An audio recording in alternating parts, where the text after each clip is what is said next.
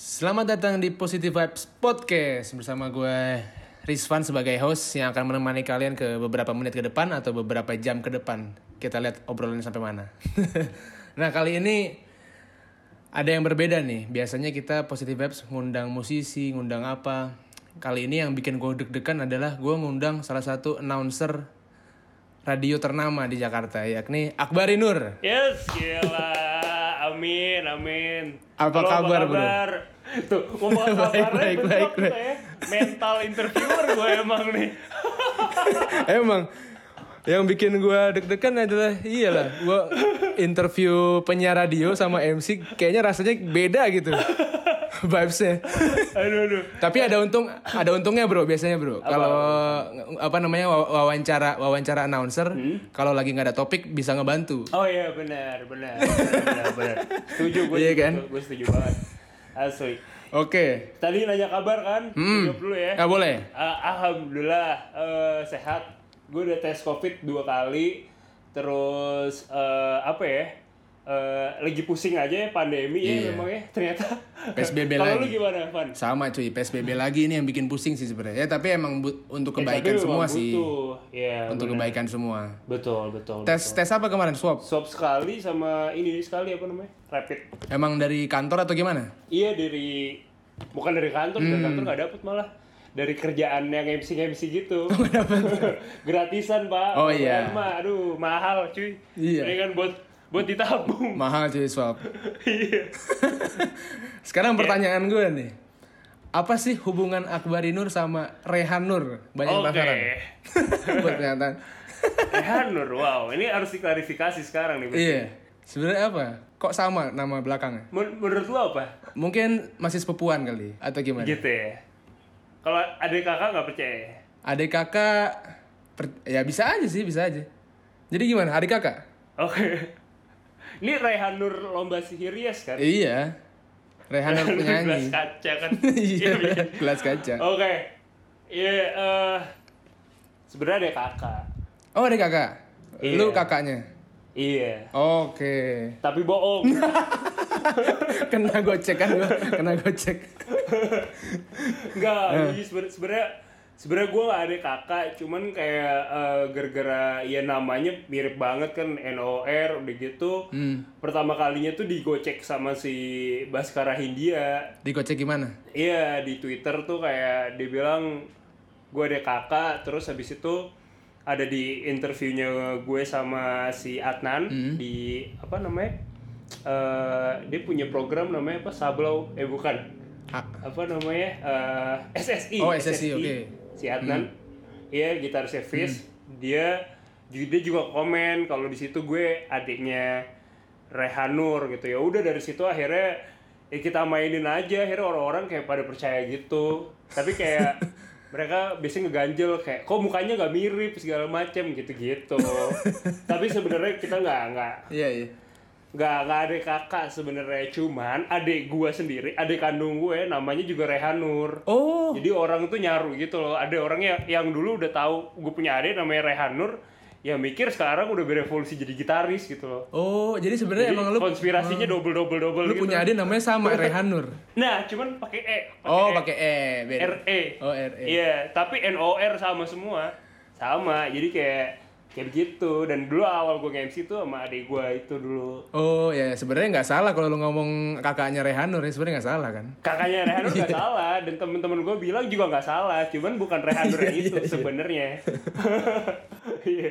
tapi keren juga sih gue ngerasa kayak wah keren juga nih ya gue jadi kayak dulu ya dulu Ah. gue tuh dulu ini fun fact sebenarnya gue tuh malu banget punya nama Nur cuy Kenapa malu? kesannya tuh desa cuy tau gak kesannya desa katro gitu-gitu Tapi loh kan Nur lu lebih ada urban-urban nih, ke barat-baratan nih, ada OO, bukan Nur pakai U. Hmm. Nah, iya, iya, gue kan NOR kan. Sebenarnya kalau dilihat dari sekarang jadi keren, tapi dulu enggak cuy. Dulu jadi ini pertama kali nih gue bilang. Jadi eh, waktu di SD kan lo kalau abis ngerjain tugas, lo kan kumpulin bukunya ke guru-guru di kelas kan. Abis itu kayak selang dua hari baru Iya. dibagi-bagiin gitu kan. Nah, selama mau dibagi-bagiin gitu ada temen gue yang suka iseng. Gue dulu kayak dibully gitu. Di jadi Akbar kan namanya kan Akbari NOR gitu kan. belakangnya ditambahin huruf A jadi Akbari Nora Oh dikatain gitu dulu deh kecengnya. iya terus kayak wah ya bener pas banget nih Akbari Nora nih gitu terus terus kayak gue Oh. Gue sebenarnya malu cuy pakai nama Noor sebenernya Iya, terus kayak tenggat gitu kalau sekarang akhirnya eh, ya gue bisa pakai nama nama nama asli gue gitu. Gue nggak nggak pakai nama yang lain. Terus kayak ada ada orang lain juga yang ternyata namanya ya ternyata kita ya mungkin satu satu marga juga gitu ya. Jadinya ya ya seneng aja sih gue jadi kayak ada Benny Likumahua, Berry Likumahua gitu kan. Jadi gue bisa Iya, ya iya. nama Noor tuh jadi jadi bagus Jadi lah bagus ibarat- ya, benar-benar, sama-sama di musik juga Hmm. gitu kan jadi gue ya gue cukup bersyukur lah karena dulu gue terbilang malu gitu dan apa ya eh gue dengan nama Noor tuh sebenarnya orang tahu gitu langsung ah ini Islam nih gitu Oh gitu. Aslinya aslinya? lah gue gue gak, gue gak mau dikaitin dengan agama tertentu sebenarnya Oh oke. karena nama Akbar itu cukup cukup samar-samar gitu nggak nggak yang Akbar gitu kan soalnya kan Berry kan belakangnya Hmm. Iya, Berry, Berry. gitu kadang gue dipanggil Berry juga terus muka gue ada Chinese jadi Hmm. kayak kadang kadang kayak gue bergaul ke mana aja enak gitu nyambung sebenarnya gitu Tapi emang panggilan panggilan lu tuh Akbari atau Bari aja atau gimana? Akbari panggilan Akbari Oh, Panggilan Akbari full gitu iya agak panjang gitu ya cuman kalau orang sekali inget kayak inget banget gitu Iya. Namanya nggak pasaran sih sebenarnya. Ada biasanya Iya. nggak pasaran sebenarnya. Eh, bagus Googleable juga. sebenarnya. Googleable. Kalau yang pasaran kan kadang-kadang suka kalah tuh sama yang lebih terkenal gitu kan. asli Kalau di Google, betul. iya kan. betul betul Terus sekarang PSBB lagi nih. Kira-kira Hmm. ada sibuk apa nih? Dengar-dengar gue kemarin lu dapet eh, jadi host WTF 2020 aja online.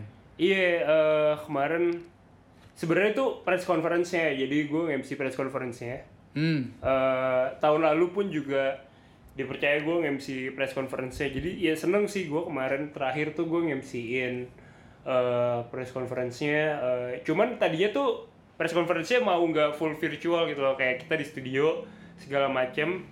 Tiba-tiba eh, ada yang kena covid gitu di gedung itu, akhirnya jadi berombak semua gue sih tetap salut ya sama teman-teman dari Ismail Live karena dengan begitu beratnya kondisi sekarang dia tetap bisa ngusahain ada festivalnya gitu dan gratis Iya iya, dan gratis cuy. tetap ada musisi luarnya lagi kan jadi kayak ya gue respect sih jadi eh apa ya bikin kita happy juga kan bikin kita seneng gitu kalau kemarin-kemarin kesibukan gue eh gue abis di PHK cuy jadi sebenarnya Hah, serius lu? Dari mana? Dari Ya ini Dari yang yang- Hmm. ya gak banyak tahu juga. Jadi sebenarnya gue gue tuh selain gue kerja yang mungkin orang-orang tahu gitu ya, gue nge-MC, siar eh, penyiar radio juga.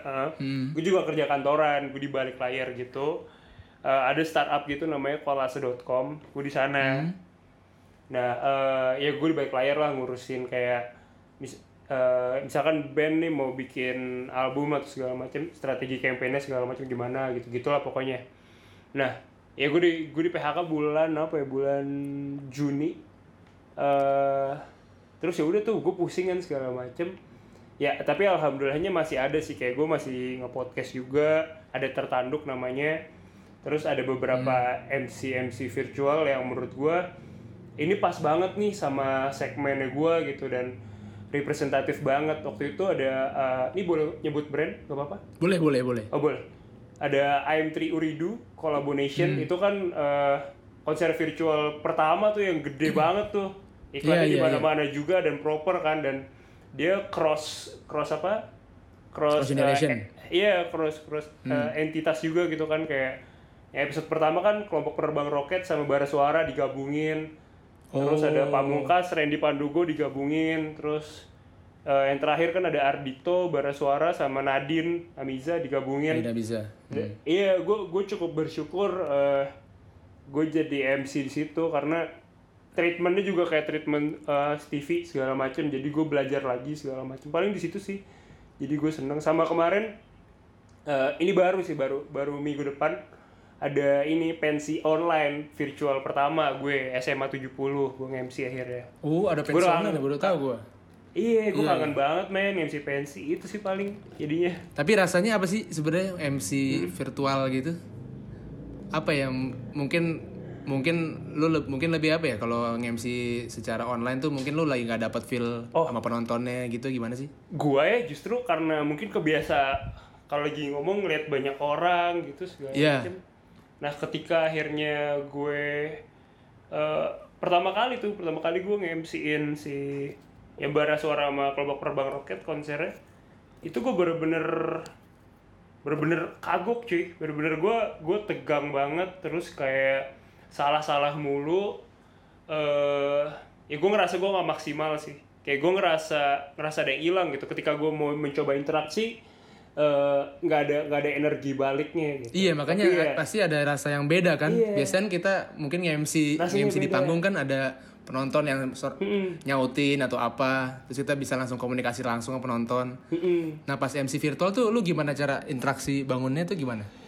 ya paling gi- paling gue bilang eh, apa namanya gue gue gue mainin eh, pola pikirnya mereka aja sih kayak mereka lagi ngapain gitu kayak mereka pasti gini M- MC itu gak dianggap sama orang sebagai apa ya sebagai hal yang dia tunggu gitu sebenarnya sejatinya.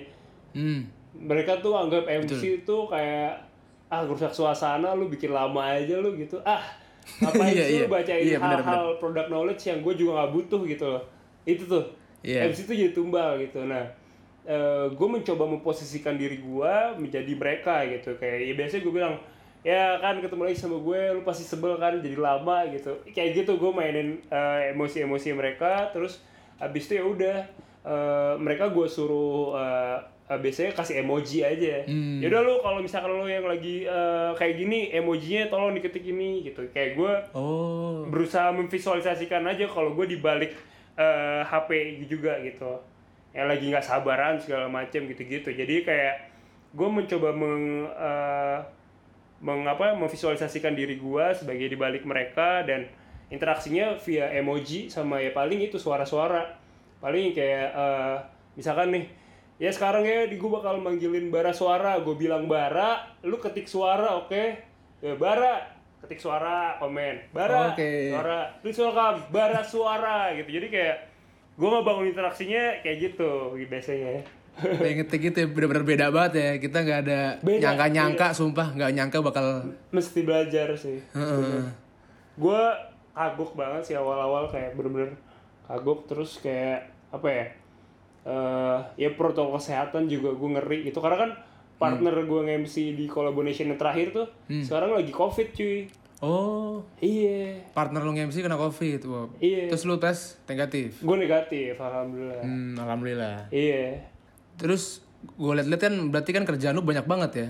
amin Tadi amin so ada sibuk pak kerja. so sibuk Bener-bener Kebanyakan lu, cuy. kantoran iya.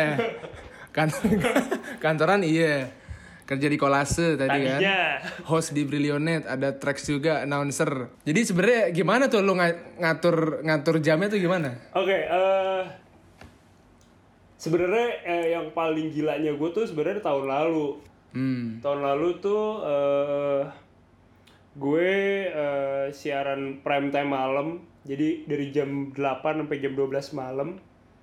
Eh itu gue siaran Senin sampai Jumat gitu. Sedangkan di hari yang sama gue di jam 9 pagi sampai office hour lah pokoknya. Sampai jam 6 sore itu gue di kantor gitu. Gue office hour pekerja kantor gitu gue. Pulang kantor langsung siaran. Iya, nah rumah gua kan Bekasi cuy. Hmm. Kantor gua di Tomang tuh.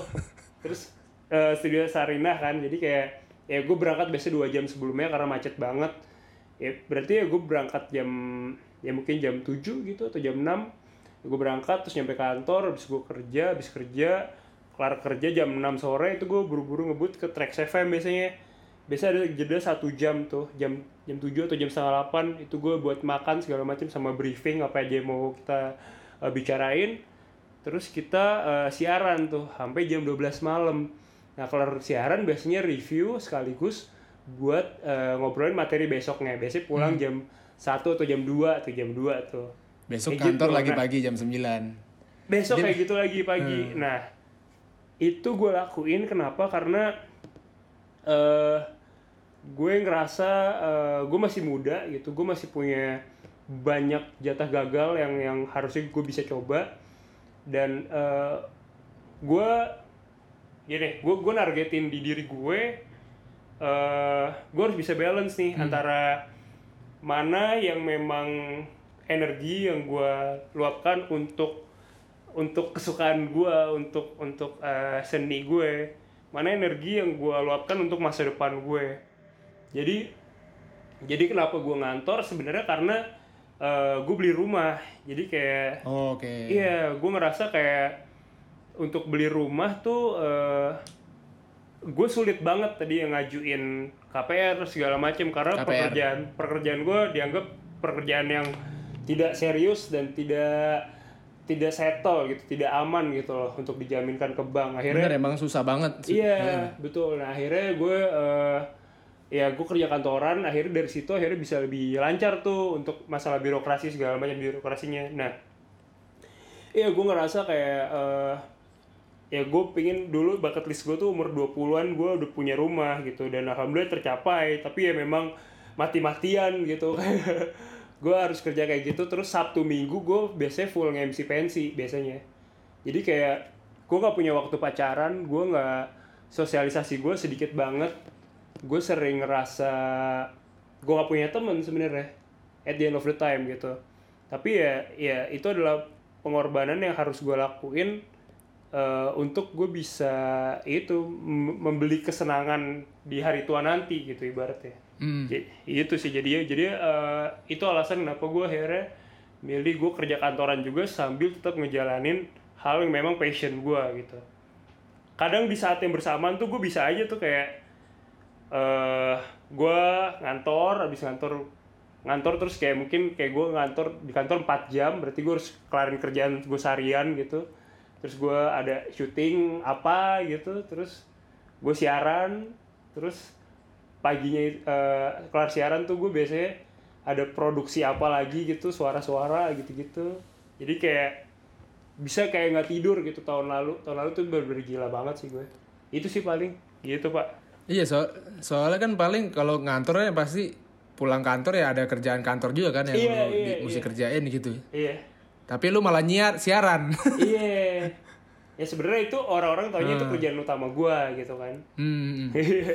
Nah, ke ke depannya lu mau ngantor lagi apa emang mau fokus nge-MC dan lain-lain? Hmm, bu, mungkin eh, bisa jadi ya, bisa jadi ya. Cuman gue belum belum tahu karena memang gue juga bekerja di bidang yang masih gue suka dan masih sesuai sama latar belakang nggak sesuai banget sih sama latar belakang pendidikan gue cuman masih bisa dielaborasi lah gue sih pengen sih sebenarnya Eh, cuman kalau sekarang gue masih mau ngejar mimpi gue yang lain lagi gitu Eh, sambil eh, gue tetap di karir yang sekarang gitu.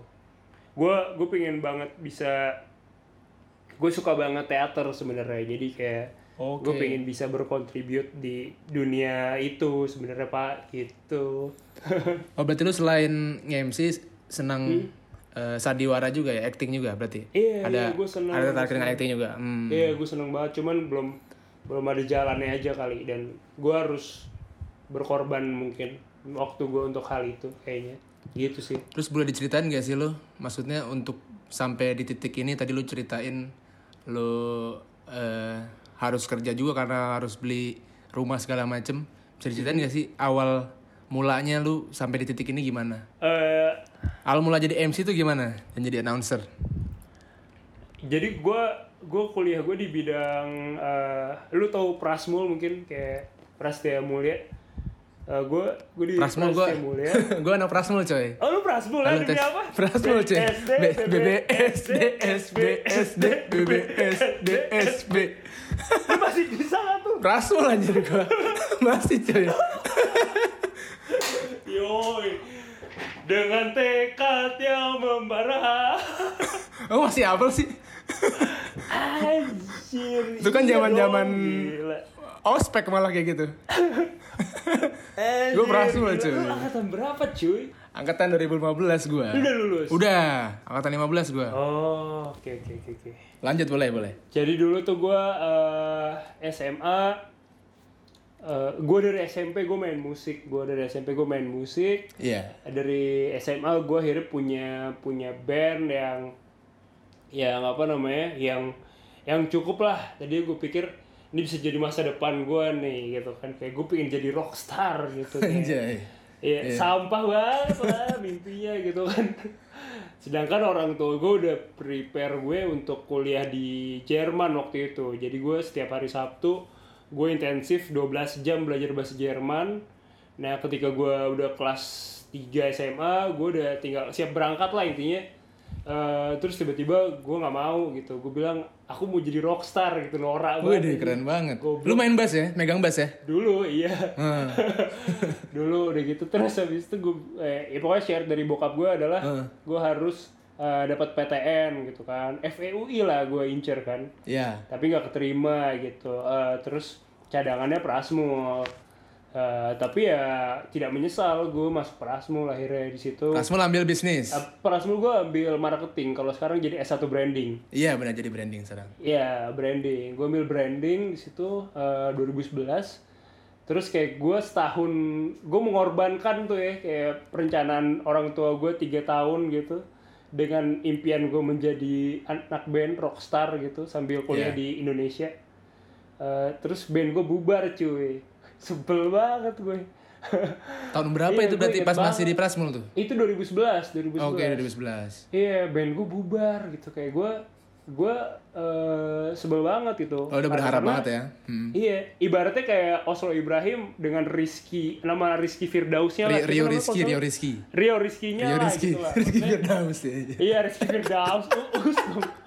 Uus dong itu. Iya, lanjut lanjut. Apa? Iya maksudnya kan eh, Rio Rizky kan juga udah pu- cukup punya nama kan sebenarnya kan. Iya, udah masuk major Cuma label juga. Dia restart lagi kan. Iya. Iya. Nah, dulu band gue tuh juga udah lumayan lah maksudnya kalau gue matangin harusnya bisa nih gitu. Udah sempet label Cuman juga, ya- masuk label. Belum, belum, Oh, belum belum. label, belum label, belum label. Cuman habis itu eh, apa namanya? Ya anak-anak band gue gak ada yang gak ada yang komit gitu, yang beneran mau ngeband ya. Cuman gue sama gitaris gue doang waktu itu. Terus ya udah habis itu eh gue inget banget gue dateng ke konser Sondrenalin waktu itu ada di BSD cuy di depan Giant. Oh, sempet ya Di Sondenalan di BSD ya? Sunburst. Ya Sunburst McD. Tahu lo, Jay? Oh, sempet ya. Gua... Ada cuy. Jadi Sondrenalin tuh udah di udah di blok gitu cuy. Jadi kayak udah dilarang di mana-mana di di Jakarta gara-gara rusuh. Habis itu balik lagi nih di deket Jakarta di Tangerang situ kan. Di situ. Oh, iya iya iya. Nah, abis itu rusuh juga dibakar semuanya. iya. Ya, gila dibakar. sih, Nah, pas lagi di terus? pokoknya itu tuh panggung pertama Ariel keluar dari penjara tuh gara-gara kasus video porno. Nah, Oh, berarti udah lama ya, Iya, iya. 2012. Iya. 11 2012 kali ya. Terus Bener. Gue tuh pernah, gue selalu percaya kayak sebelum kita mimpiin, kita tuh harus memvisualisasikannya gitu loh. Nah, kelar kelar si Ariel turun panggung, gue tuh nekat cuy, gue naik atas panggung. Buat gue kayak ngirup udara di atas panggungnya gitu. Gue ngebayangin gimana ya kalau ada penonton banyak gitu. Padahal udah gak ada penonton sebenarnya. Oh iya. Karena itu udah udah rusuh deh, udah bakar-bakaran gitu deh. Lu kalau mau cek artikel juga ada itu yang senderalin itu bakar-bakaran gitu. Kayak dijarah-jarah gitu segala macam. Udah gitu ada satu booth, boothnya Ami Awards itu gue inget banget. Nah, eh gue gue ini gue gue ambil gitu pialanya karena gue patah hati kan. Ah, gue nggak bisa ngeband lagi nih. Cita-cita gue kan dulu pingin kayak sosokan terima penghargaan gitu, kayak ngucapin terima kasih gitu-gitu kan. Ya udah, gue gue nyolong piala Ami Awards cuy, Anjir, lu sampah banget sih. Bener-bener Iya, sedalam itu ya kecewanya. sedalam itu men, Sampai patah hati gue. Heeh. Tapi emang kenapa nggak nyoba lagi aja? Maksudnya ada band lain atau bikin sendiri solo karir gitu? Sempet, sempet nyoba sama band lain, cuman sama eh, komitmennya kurang gitu. Hmm. Nah akhirnya dari situ titik itu akhirnya anyway pas gue nyampe parkiran gue kepikiran gue nggak enak takut dosa segala macem. Akhirnya piala Mi Awards gue balikin lagi. Anjir padahal kalau dicolong seru juga itu loh. seru tuh seru. Seru anjir. Siapa lagi yang punya? Bisa bohongin orang kan? iya goblok aja terus udah gitu eh singkat cerita intinya akhirnya gara-gara eh, itu gara-gara gara-gara eh, kayaknya kalau mau ada di atas panggung eh, kayaknya nggak nggak cuman harus ngeband aja deh gitu kayak masih bisa kok jadi MC salah satunya. Keuntungannya apa sih? Biasa kan kalau anak Prasmul kita bikin SWOT kan? Gue bikin SWOT cuy. Ya. strength, weakness, Weakness, opportunity, threat-nya gitu Heeh. kan. Segala macam gue banding bandingin ternyata sebenarnya paling bener tuh gue jadi host cuy. Karena gue nggak perlu eh, bayar latihan gitu kan studio latihan recording nggak perlu berantem berantem di grup lain atau WhatsApp ya kan? Iya. terus nggak perlu ribet bikin lagu segala macam tapi ujung-ujungnya gue tetap bisa ada di atas panggung kan? Hmm, oke. itu tuh akhirnya.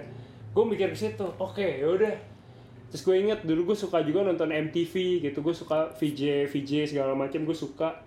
Terus akhirnya ada MTV VJ-han waktu itu gue ikutan.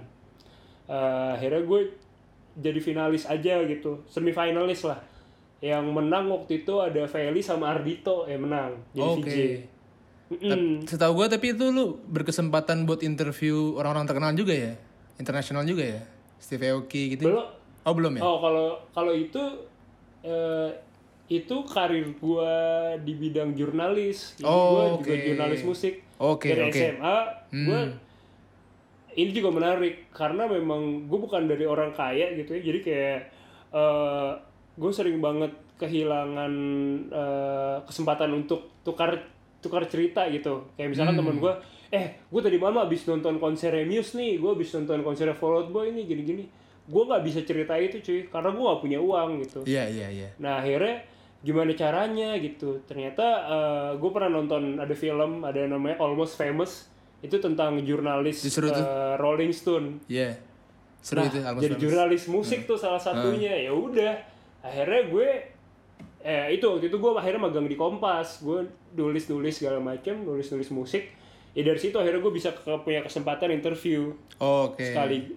Iya dan kayak dan sejak SMA ini percaya ya berarti dari sejak gue tahun berapa tuh? 2007, 2008, 2007 lah. Gue nggak pernah bayar cuy masuk konser apa pun.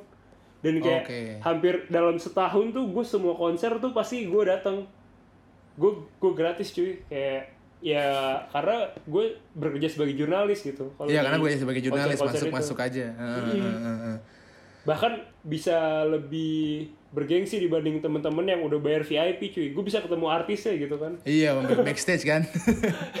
Terus setelah VJ-han gimana? Setelah VJ-han? balik lagi setelah VJ-han itu eh, gue gue gagal ya kan gue gue ah tai lah gue gak bisa nih ternyata nih eh sebelum itu gue sempet nge-MC di acara kampus gitu kan Hmm. waktu itu MC pertama gue adalah acara bedah buku cuy enggak banget ya sih kayak Iya, Oh, Bosen terus di, di, formal ya?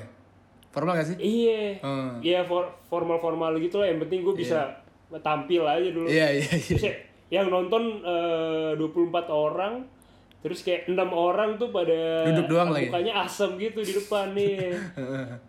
terus kayak apaan sih baru lu ngapain jadi MC? Mending lucu gitu. Enggak gitu kan? Karena memang gue sadar akhirnya gue bukan tipe MC yang melucu gitu.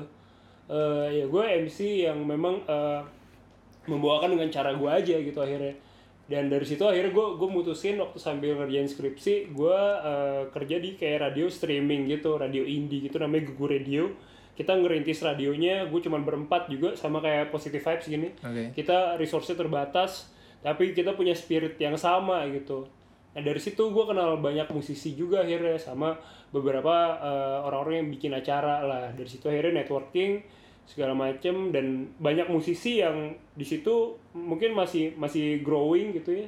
Akhirnya kita growing bareng gitu kayak ada Elephant Kind kayak ada ya mungkin teman-teman Fish segala Iya, iya. macem gitu kita growing bareng gitu. Makanya kayak gue merintis di karir gue di MC mereka merintis karir mereka di musik gitu. Jadi kayak sekarang ya jadi jadi temenan aja gitu ibaratnya eh, gue gue living the dream gitu dulu gue ngelihat kayak kok bisa Mereka, ya Gofar hmm. temenan sama Seringai gitu Iya, iya, kok bisa ya si ini sama ini gitu akrab banget gitu Akrab Nah, banget. sekarang.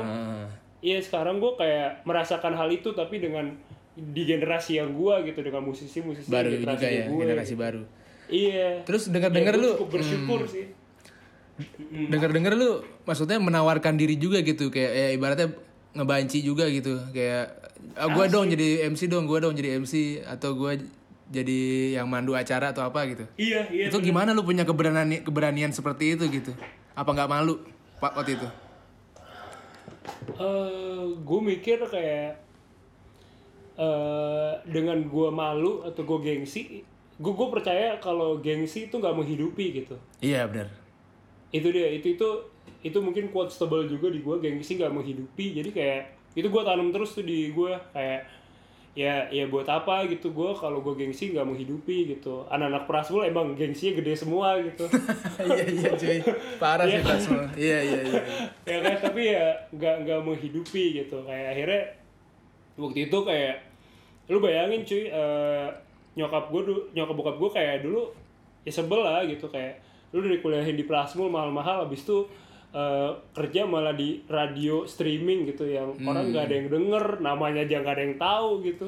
Gajinya juga beda jauh sama temen-temen gue yang sangkatan pasti kan. Iya benar kayak dari segi prestis gak ada dari segi material nggak ada gitu. Cuman ya gue mikir eh, gimana kalau gue coba ini setahun dulu gitu.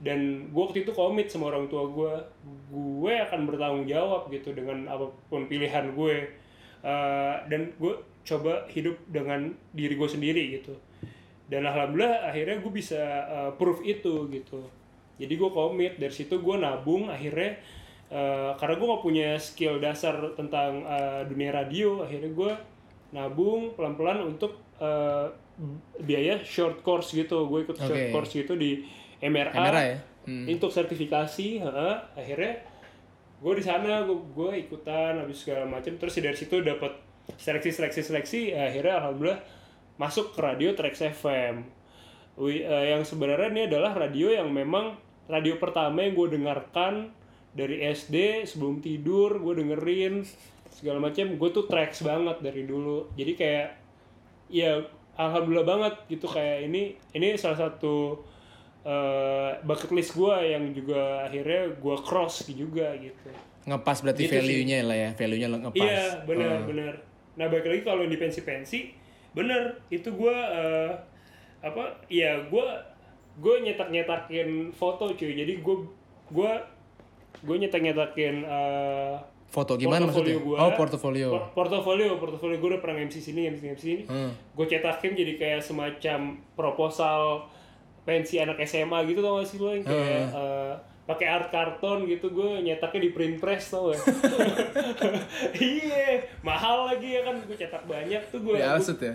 Iya gue gue tawar tawarin ke setiap eh, papu eh, Pensi-pensi. apa namanya, pensi-pensinya gue datengin gitu. Ada yang gue datengin langsung gue presentasiin ke mereka terus kayak mereka who the fuck is this guy? gitu kan. Presentasi apa sih? Gue kayak presentasi diri gue Oke. gue Akbar itu siapa sih? Kayak eh, kenapa lu harus pilih Akbari sih? Gitu. Iya pokoknya kayak bisnis plan di wah Prasmo salut lah. salut salut. Salut gitu. salut. Cuman ya gue dengan personal branding gue gitu ya eh, apa namanya?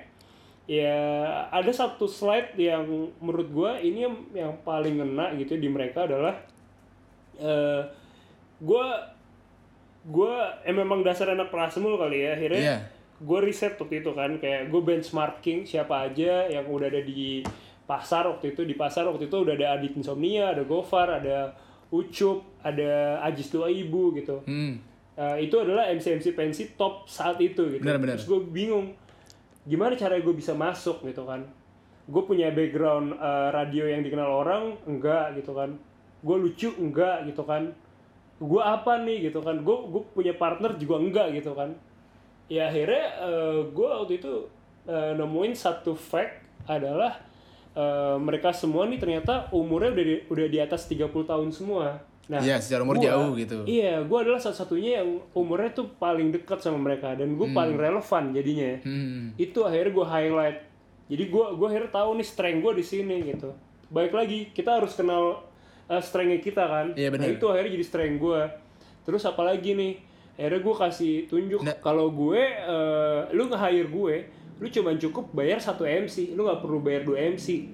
It- itu nge-cut cost lu banyak banget dari segi transport, dari segi makanan, dari segi fee MC-nya. Jadi kayak banyak benefitnya.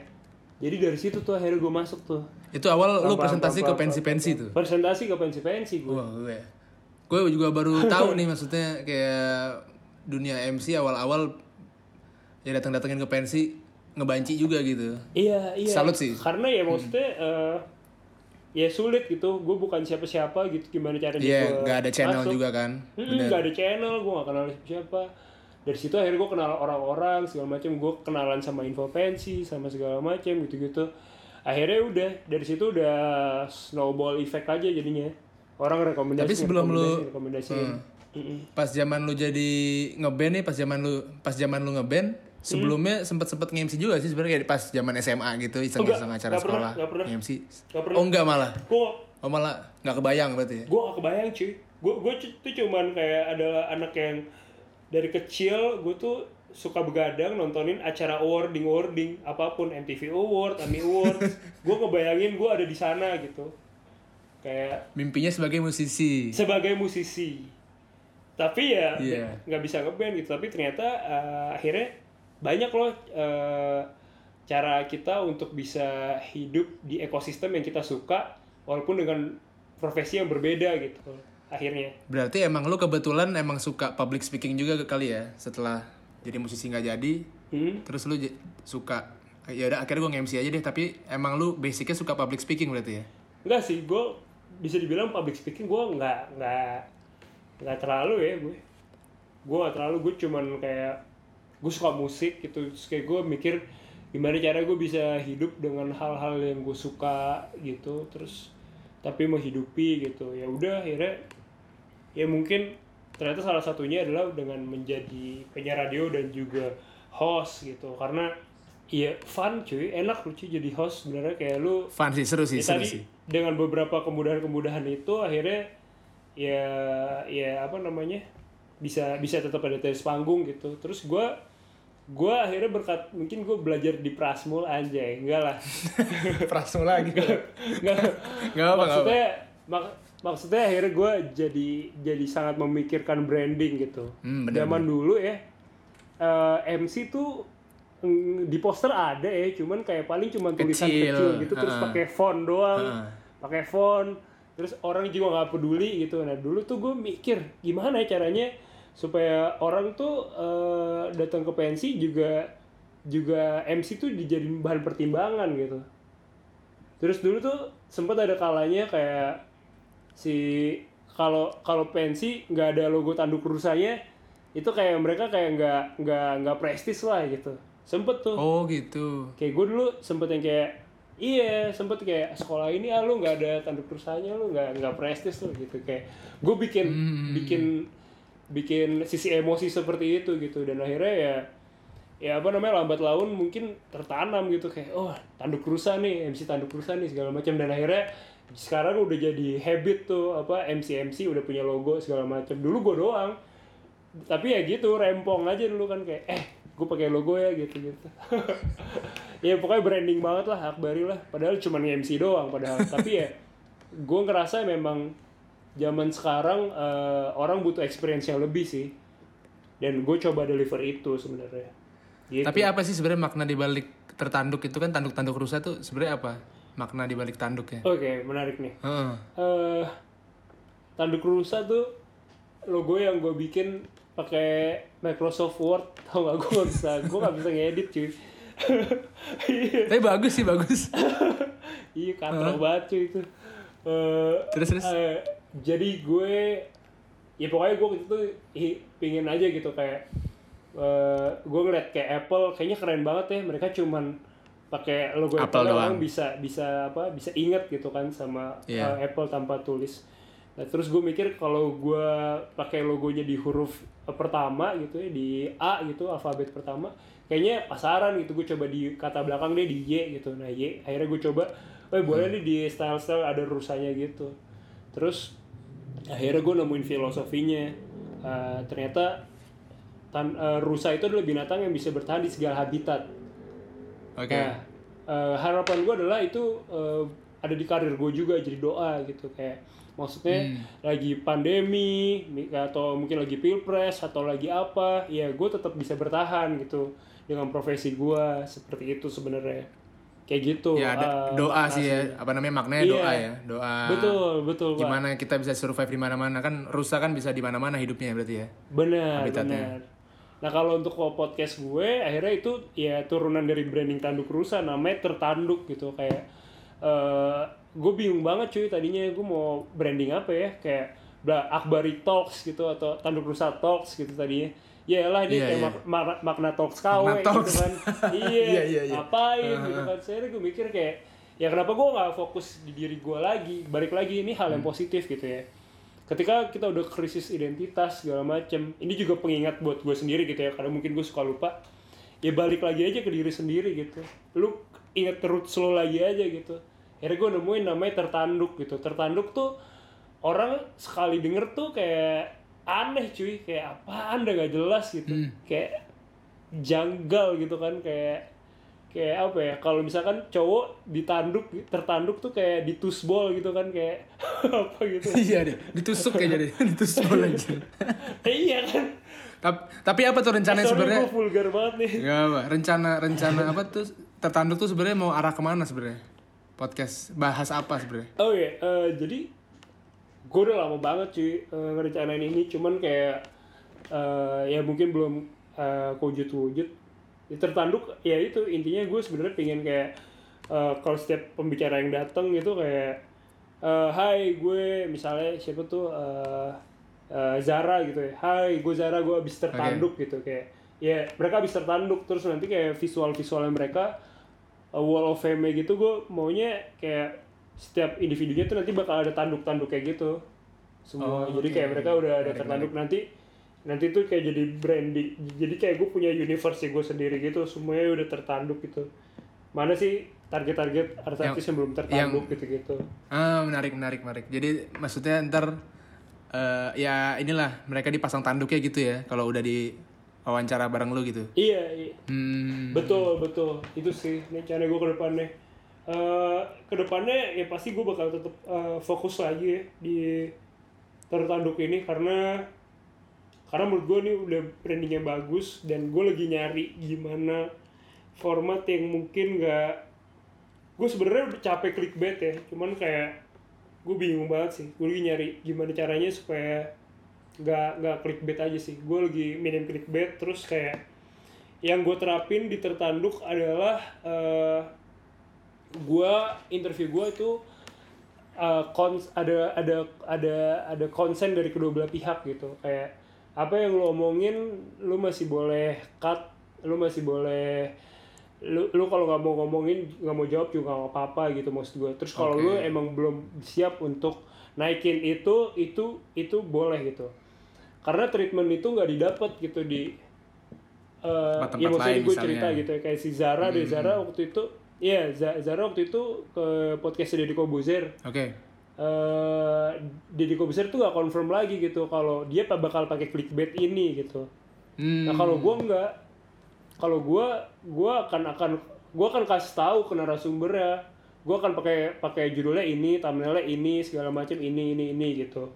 Jadi eh, kalau mereka memang belum siap tayang ya nggak akan tayang juga gitu, karena podcast gue yang tertanduk sama Zara itu itu sebenarnya malam di Zara kasus itu harusnya udah tayang, harusnya tayang hari itu, cuman pembahasannya banyak yang memang vulgar segala macem dan takutnya malah jadi bisa makin memperparah karirnya si iya, Zara. iya, benar, Akhirnya sampai sekarang kita masih hold. Oke. Gitu. Ya maksud gue, ya gue gue nggak mau kayak atas nama si Zara si Zara minta hold emang eh, gue gue yang ngabarin ke dia gimana mau di hold atau enggak gitu.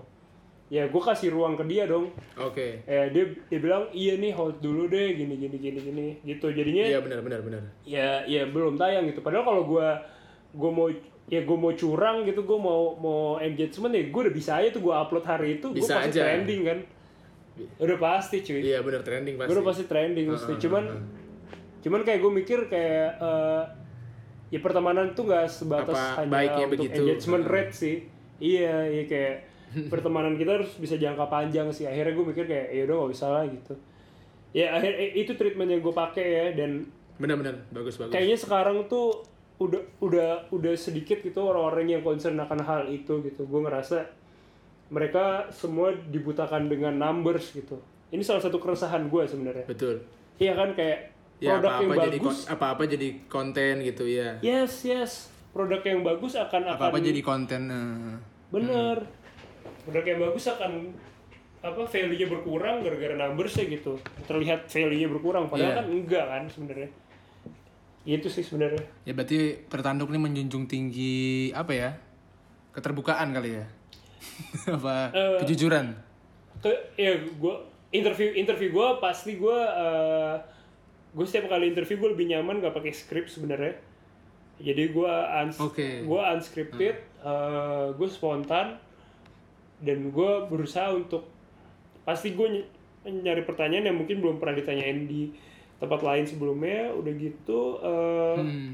itu dia tadi gue gue menjunjung apa ya hak dari narasumbernya sih kayak agar Hak supaya narasumber. mereka nyaman gitu dan dan banyak hal yang mungkin mereka belum pernah berani ngomongin di tempat lain ya mereka ngomongin di situ gitu. Tapi nggak semata-mata hanya untuk uh, numbers gitu.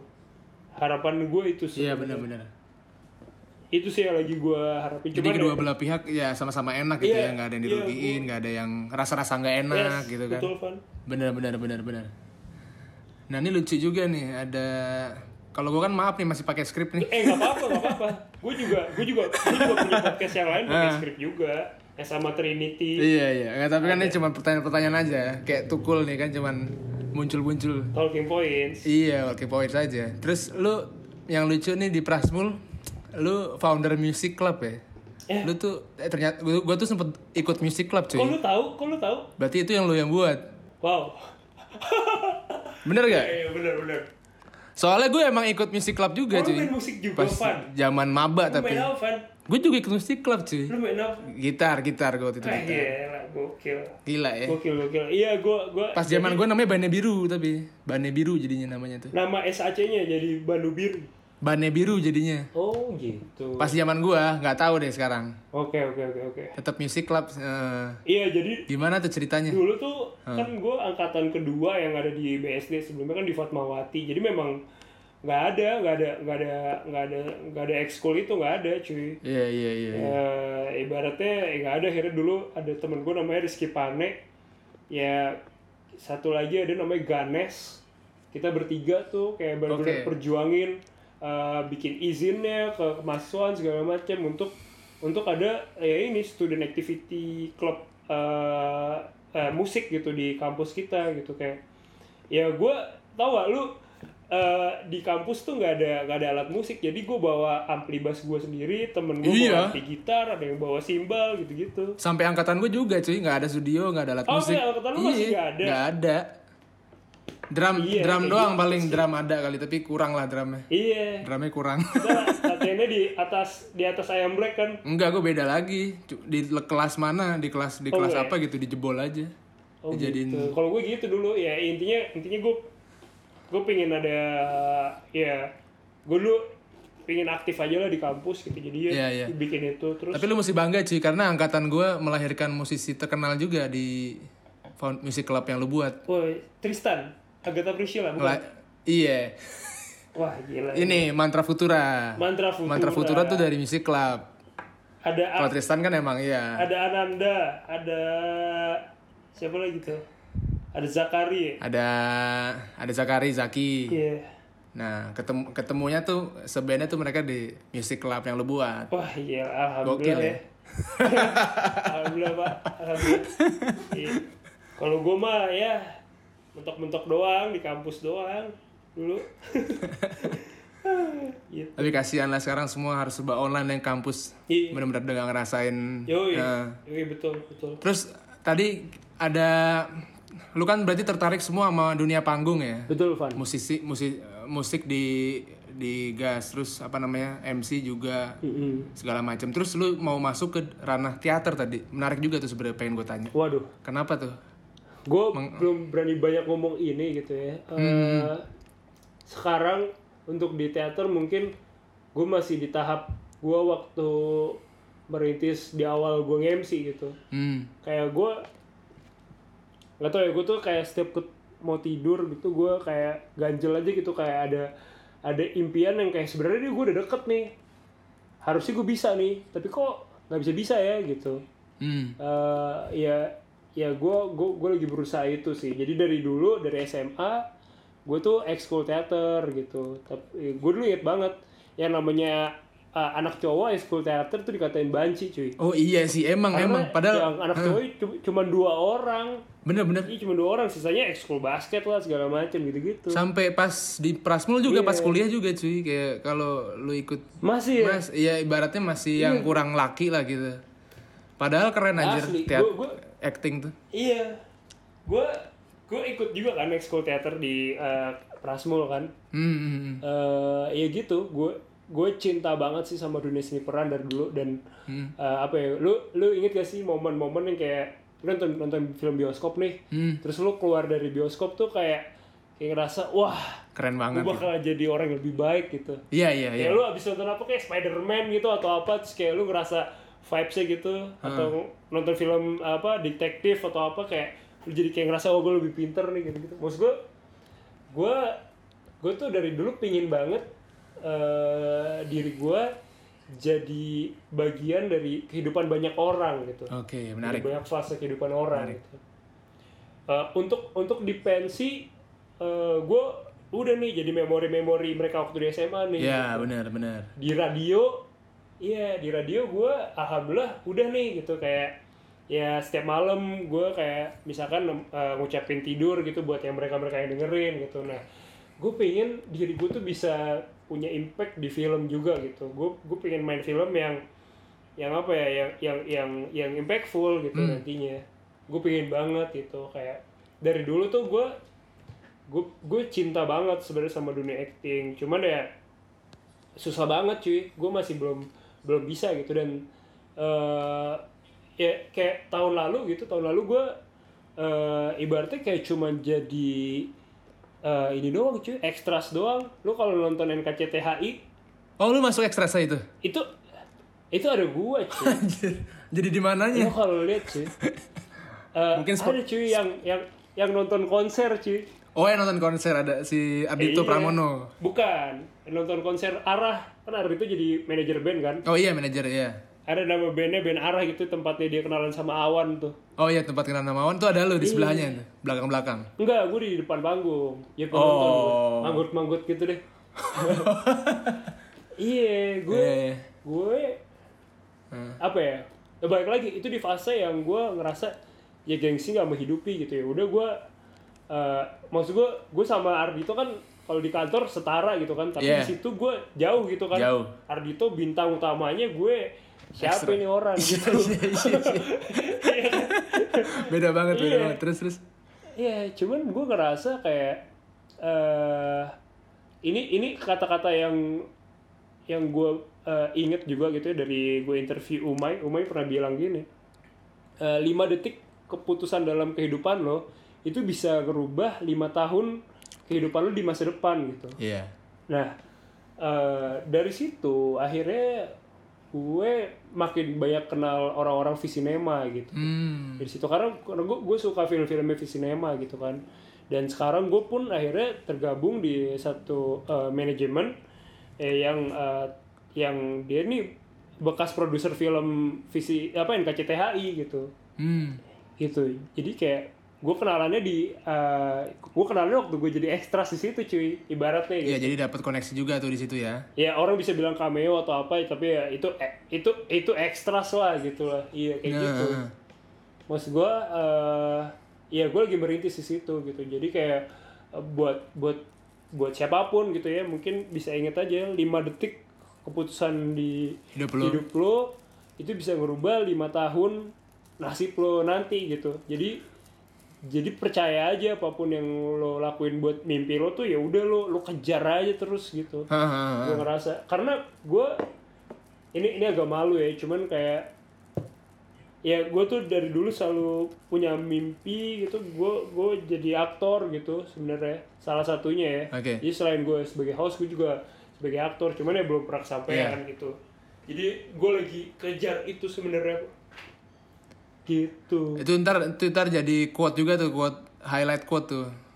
Eh, yang keputusan lu 5 detik sekarang bisa terjadi di lima tahun ke depan ya. Tapi lu Eh, sempet inget, apa? ini dari Umay apa kalau salah Dari Umay ya, dari Umay. Ntar kita dari tulis. Umay Ntar kita tulis dari Umay. hmm. bilang aja Hmm.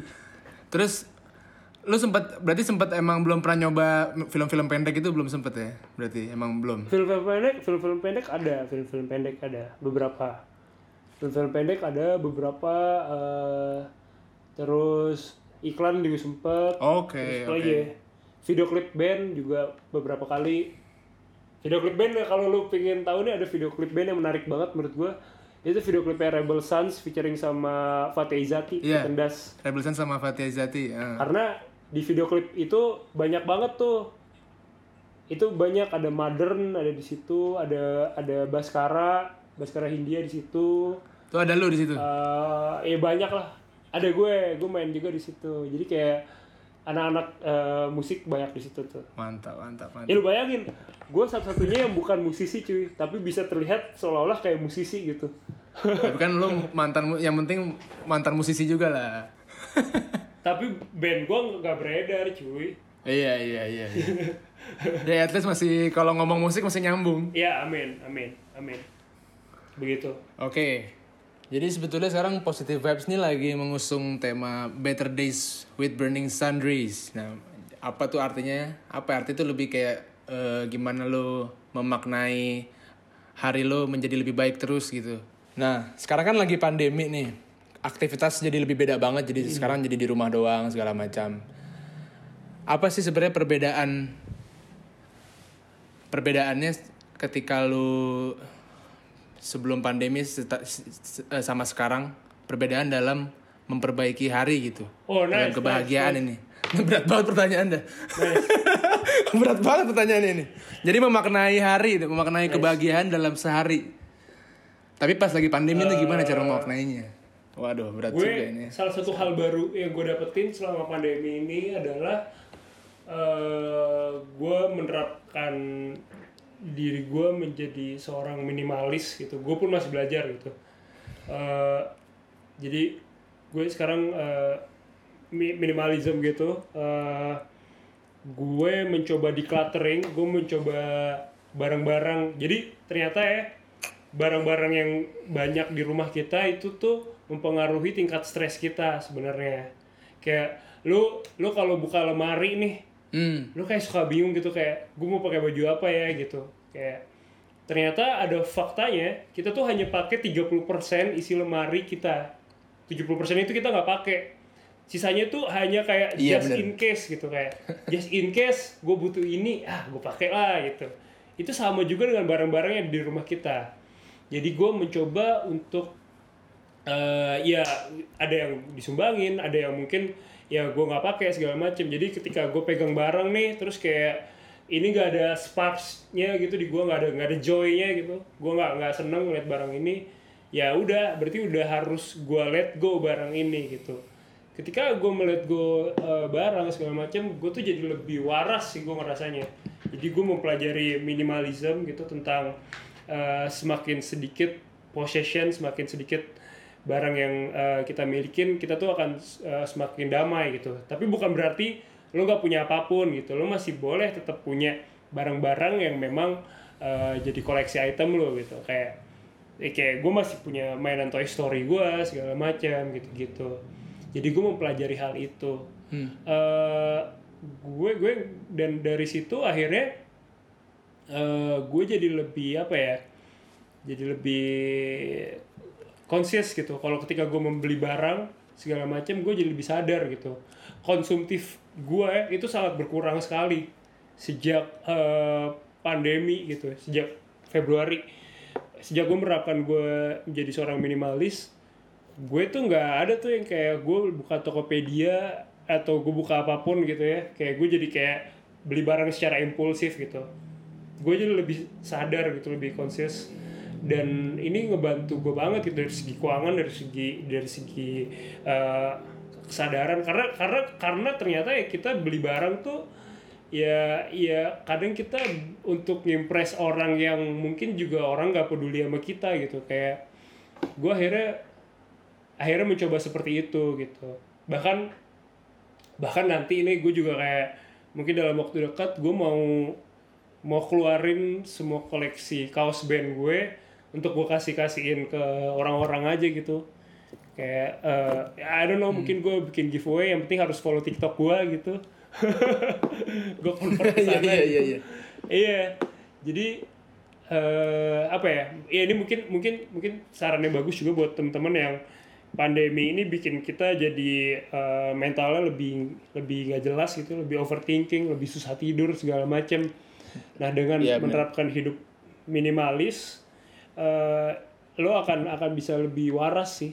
Dan itu itu gue pelajarin. Abis itu gue gue dulu kayak kayak gue kayak mikir eh, meditasi apa anda gitu segala macam gitu. Maksud gue kayak gue gak pernah memandang serius meditasi gitu. Karena gue pikir ya di agama gue udah ada sholat gitu. Gue udah sholat kok ngapain gue bisa meditasi?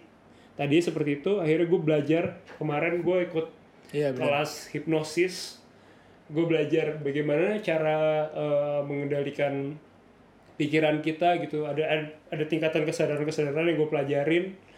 Dan akhirnya gue bisa lebih tenang gitu. Bahkan ketika gue tuh orangnya tipe yang kalau mau kerjain sesuatu ah tunggu gue mood dulu dong gitu. Kayak ah gue belum mood nih gue kumpulin dulu lah gue gini gini gini. Nah ketika gue ikut kelas hipnosis itu kayak gue bisa lebih mengendalikan diri gue gitu dengan dengan meditasi itu. Meditasi itu bukan sesuatu yang mistis atau apa pun gitu. Itu itu yang bisa kita pelajarin gitu. Kayak eh, ngatur pola nafas segala macam. Itu sih yang hal baru yang gue dapetin. Jadinya eh, jam tidur gue lebih baik sekarang. Jam tidur gue lebih baik eh, sisi konsumtif gue sangat berkurang jauh gitu.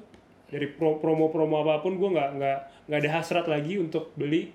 Kayak bahkan ketika dulu tuh gue ada posisi di mana yang kayak ya kayak PS5 deh hype banget gitu. Ya gue suka main PS gitu tapi gue nggak yang kayak gue harus beli gitu atau ada sneakers apa segala macem.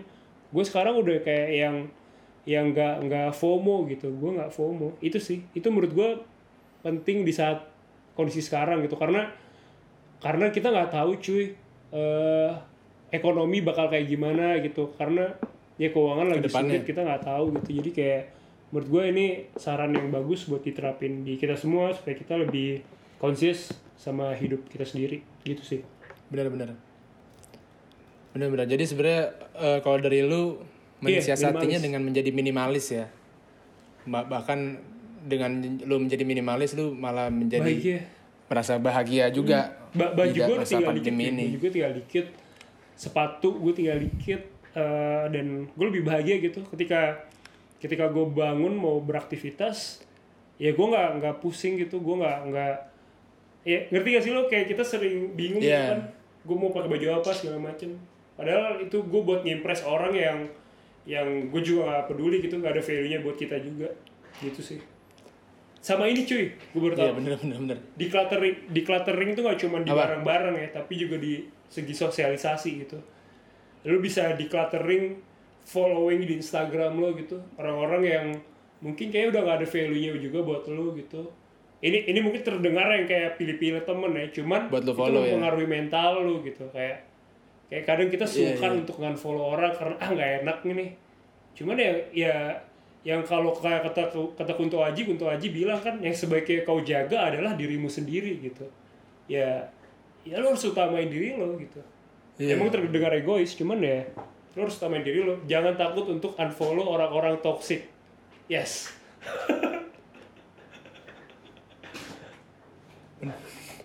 Eh, Kalau di mute gimana? ya ngapain mending lo unfollow aja gitu jumlah following lo lebih dikit kan lebih keren nih dia Oh iya follow aja iya iya iya. Iya benar benar benar. Soalnya kan kita Yes, masih ada budaya nggak enakan ya. ya. itu, Itu dia. tuh. Van Heeh. kalau lu gimana Van? Kalau kalau lu apa Van? Kalau lu apa Van? Masa gue doang nih? Apa Lu nih? Van? Yang lu dapetin. Oh iya dua arah nih. Soalnya sama MC soalnya nih. lo apa Van? Kalau gue jujur sih sebenarnya eh gue pas PSBB ini emang nggak di rumah doang Iya, sebenarnya. Iya, gue emang ada harus ada keperluan ada yang keluar gitu tapi tapi tapi tapi emang tapi emang beda. Biasanya kan kalau sebelum pandemi kan setelah lu kerja lu ngumpul sama teman-teman bareng sama teman-teman. Sekarang kalau sekarang nggak udah benar-benar tenggo. Berangkat kerja langsung balik aja gitu kan. Ya ada rasa kekurangan ini sih sebenarnya sih gua. Kalau ada rasa kekurangan sosial aja. Beda gitu kan harus biasanya kan kumpul-kumpul teman segala macam sekarang enggak tapi yang satunya yang bikin gue bahagia adalah yang gue bersyukur banget PSBB gue jadi hemat Yoi, banget. yoi. itu sih bener-bener yang bikin gue bahagia sebenarnya karena nggak jadi nyadar kemarin-kemarin tuh ada yang keluar-keluar nggak penting. Nggak jelas kayak harusnya nggak dikeluarin banyak banget. Sekarang bisa save banyak sebenarnya itu sih sebenarnya bahagia gue simpel sih itu aja Ici. yang rasional. Ya lu cobalah. Eh, apa namanya? Minimalism Sabi, gua Ci. recommended banget gitu. Iya. Minimalism iya benar-benar mungkin gue coba tuh yang kayak apa barang-barang yang nggak perlu bikin gue seneng aja sih sebenarnya ngeliat orang seneng ya Iya gak sih? yoi Oke, Akbar Nur, thank you banget nih kayaknya udah satu jam lebih nih kita ngobrol-ngobrol banyak. seriusan Van Cukup inspi- inspiratif apa nih? kita udah satu jam demi apa nggak kerasa Udah satu jam aja, udah satu Gua- jam eh, lebih. kebanyakan ngomong gak sih Enggak lah, nggak apa-apa, nggak apa. gue kebanyakan ngomong Cuman ini kita rada delay aja gue takutnya. lu, lu pada ngantuk gak sih Yop? Enggak, gue takutnya delay dari tadi dari tadi tuh anjir delay mulu. Tapi nggak apa-apa namanya juga pandemi kan, kita mesti oh iya delay Thank you buat yang udah dengerin Positive Podcast. Sekarang ada penutup nih dari Akbarinur. yes uh, this is PV podcast when five speaks louder than words Woo!